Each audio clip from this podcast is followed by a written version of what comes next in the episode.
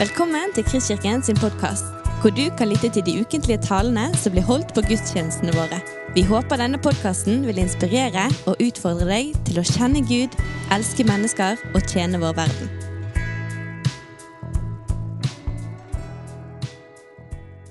Og så leser vi sammen teksten fra Markusevangeliet kapittel 1, vers 40 til 45. En mann som var spedalsk, kom til ham, falt på kne og ba om hjelp.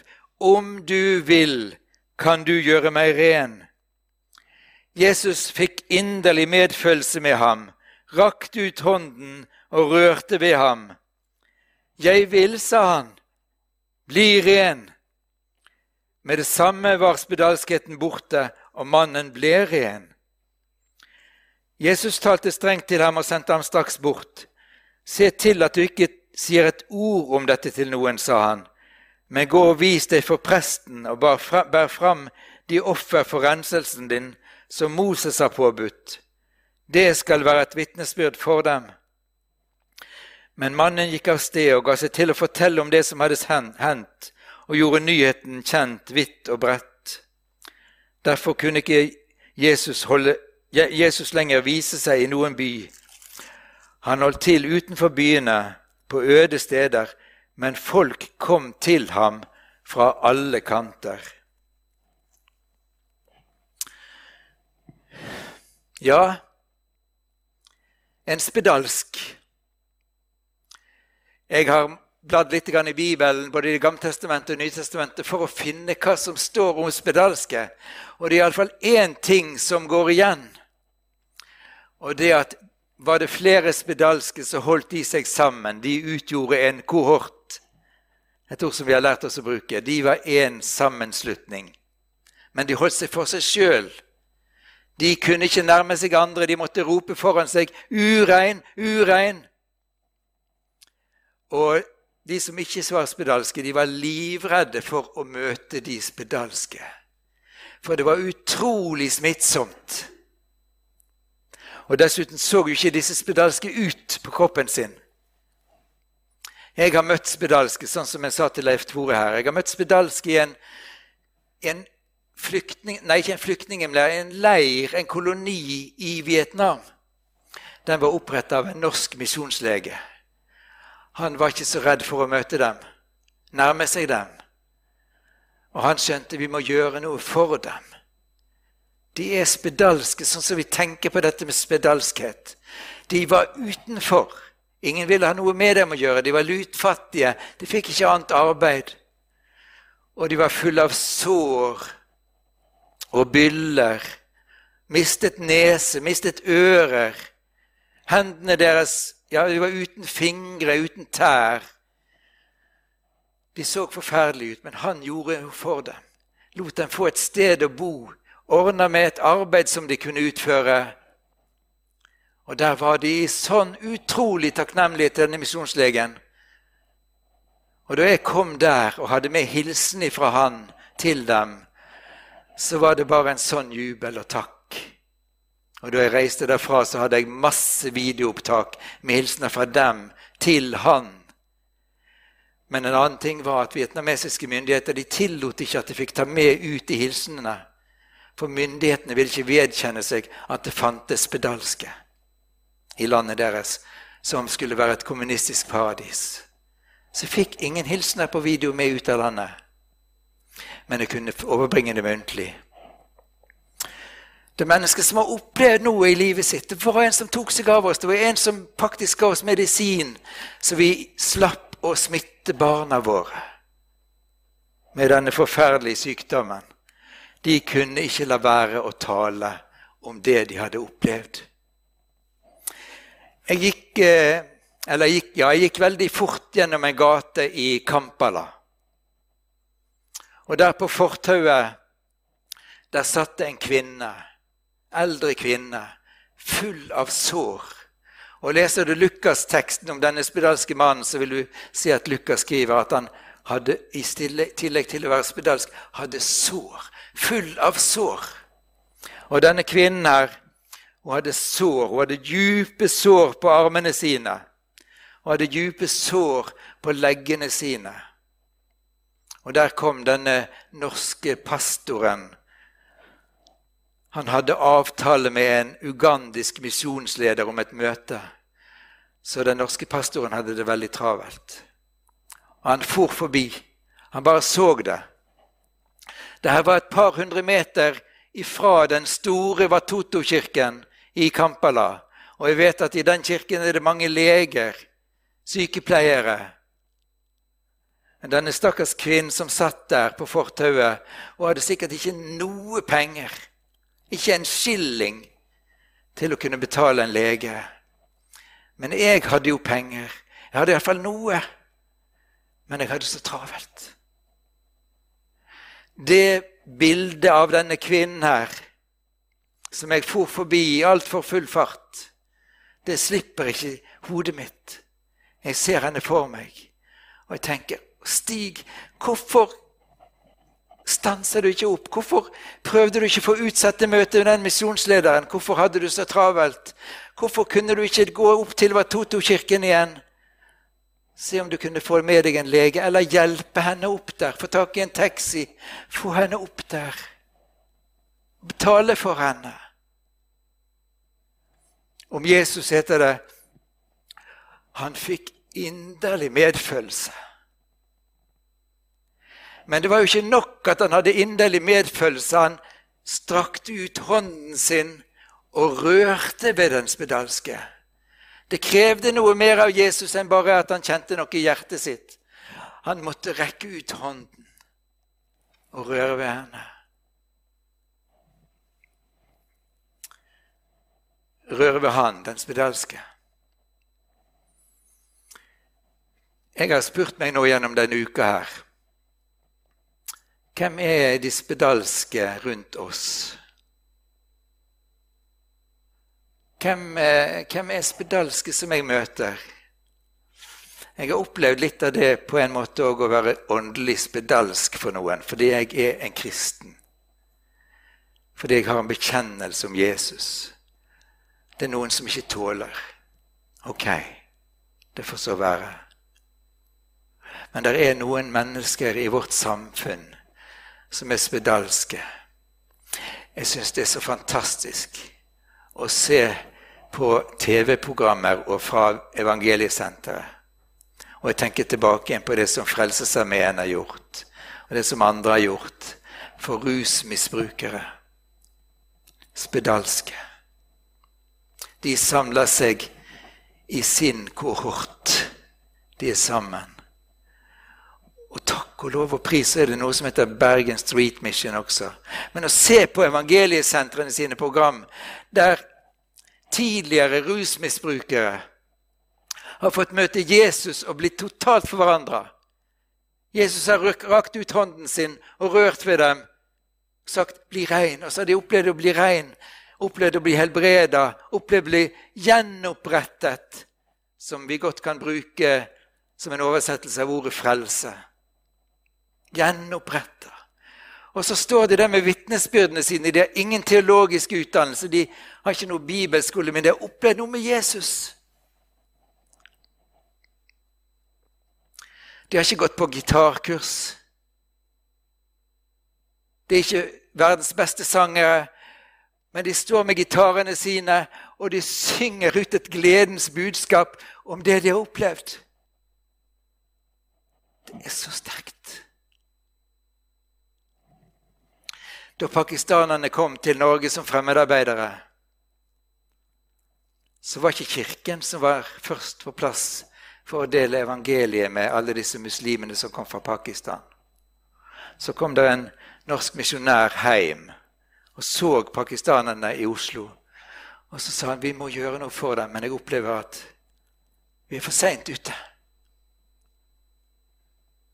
Vi skulle vært der med en gang. Nå tenker jeg på andre flyktninggrupper som er i Norge. Det er noe som heter kairos, også i Guds ord. Dette er den rette tid for å nå dem som mange ser på som ah. Og Vi kunne nevne gruppe etter gruppe, og dere tenker kanskje på enkeltpersoner, eller dere tenker på andre grupper enn meg, som spedalske, og som Gud gir oss et kall til. Der Herren ønsker det at hjertet vårt skal være berørt som hans hjerte. Hva hjelper det egentlig å få til fantastiske ting i menigheten? Flott bygg. Alt mulig på plass. Hvis vi ikke er der for det er det Jesus vil. Han sier i talen sin i synagogen i Nasaret at 'Herrens ånd er over meg'. Han har salvet meg til å forkynne et gledens budskap for fattige. Og når Jesus skal sende ut disiplene sine, sånn som det står i Matteus 9 fra 35 og utover, så står det nettopp dette da Jesus så folkemengden, så ble han fylt av en inderlig medfølelse.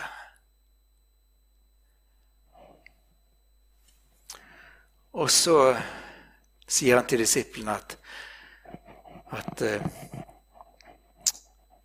høsten er stor. Og etter at han har sagt det, så står det at han velger ut noen. Og så sier han dere skal gå ut og skal dere forkynne. Himmelriket er kommet nær. Helbred syke, rens spedalske. Forkynn evangeliet for de fattige. Det kaller til oss. Og Når Jesus har sagt det her til denne mannen, at nå skal du ikke si det til noen, du skal gå og vise deg for prestene og bære fram det offer som Moses har påbudt, ja vel, Jesus bryter ikke med det gamle. Han, han sier ikke at nå, nå, er alt det forbi. Han, han bekrefter jødedommen, og han sier 'jeg oppfyller jødedom'. Jeg oppfyller alt det som er skrevet. Jesus oppfyller alt det som er skrevet. Jesus er oppfyllelsen. Men denne mannen her, han ser jo på kroppen sin med forundring. Det er ikke bare spedalskheten som er borte. Han er ikke bare blitt rein på legemet sitt, men alt, alt, alt er blitt nytt. Og andre ser det på han også. Og vet du det når, når vi nå ser en sånn fantastisk vekkelse blant iranere, og nesten like mye blant afghanere, og vi begynner å se det blant somaliere og vi har sett det med kinesere. Og vi ser folkegrupper som kommer til tro på Jesus. Jeg har møtt mange av dem. Hvorfor er det? Fordi at de kan ikke la være å fortelle om det som har skjedd med dem. Når det skjer vekkelse i rusmiljøet, så er det ikke fordi at en eller annen predikant står på talerstolen i Philadelphia eller i Kristkirken eller hvor som helst, men det er fordi at en av dem sjøl har opplevd med Jesus, og tar det videre til sine og sier 'Se hva Jesus har gjort for meg'.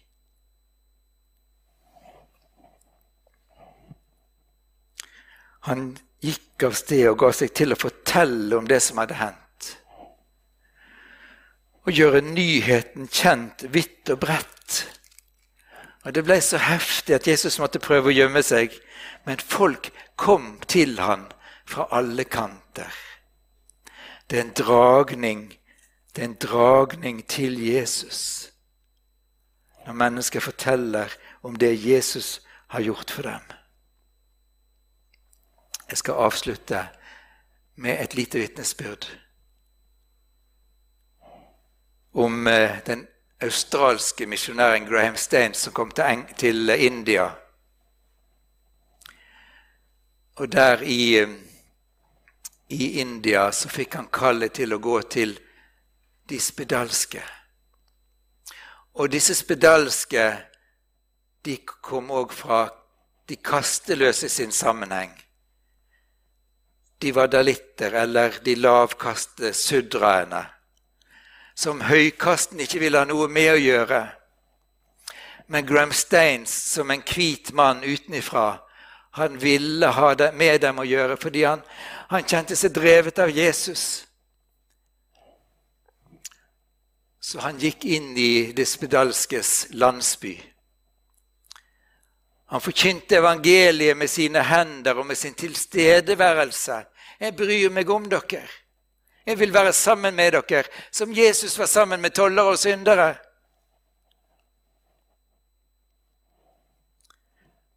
Så fikk han anledning til å forkynne evangeliet. Hvorfor, hvorfor er du her? Hvorfor bryr du deg om oss? Hvorfor er vi viktige for deg?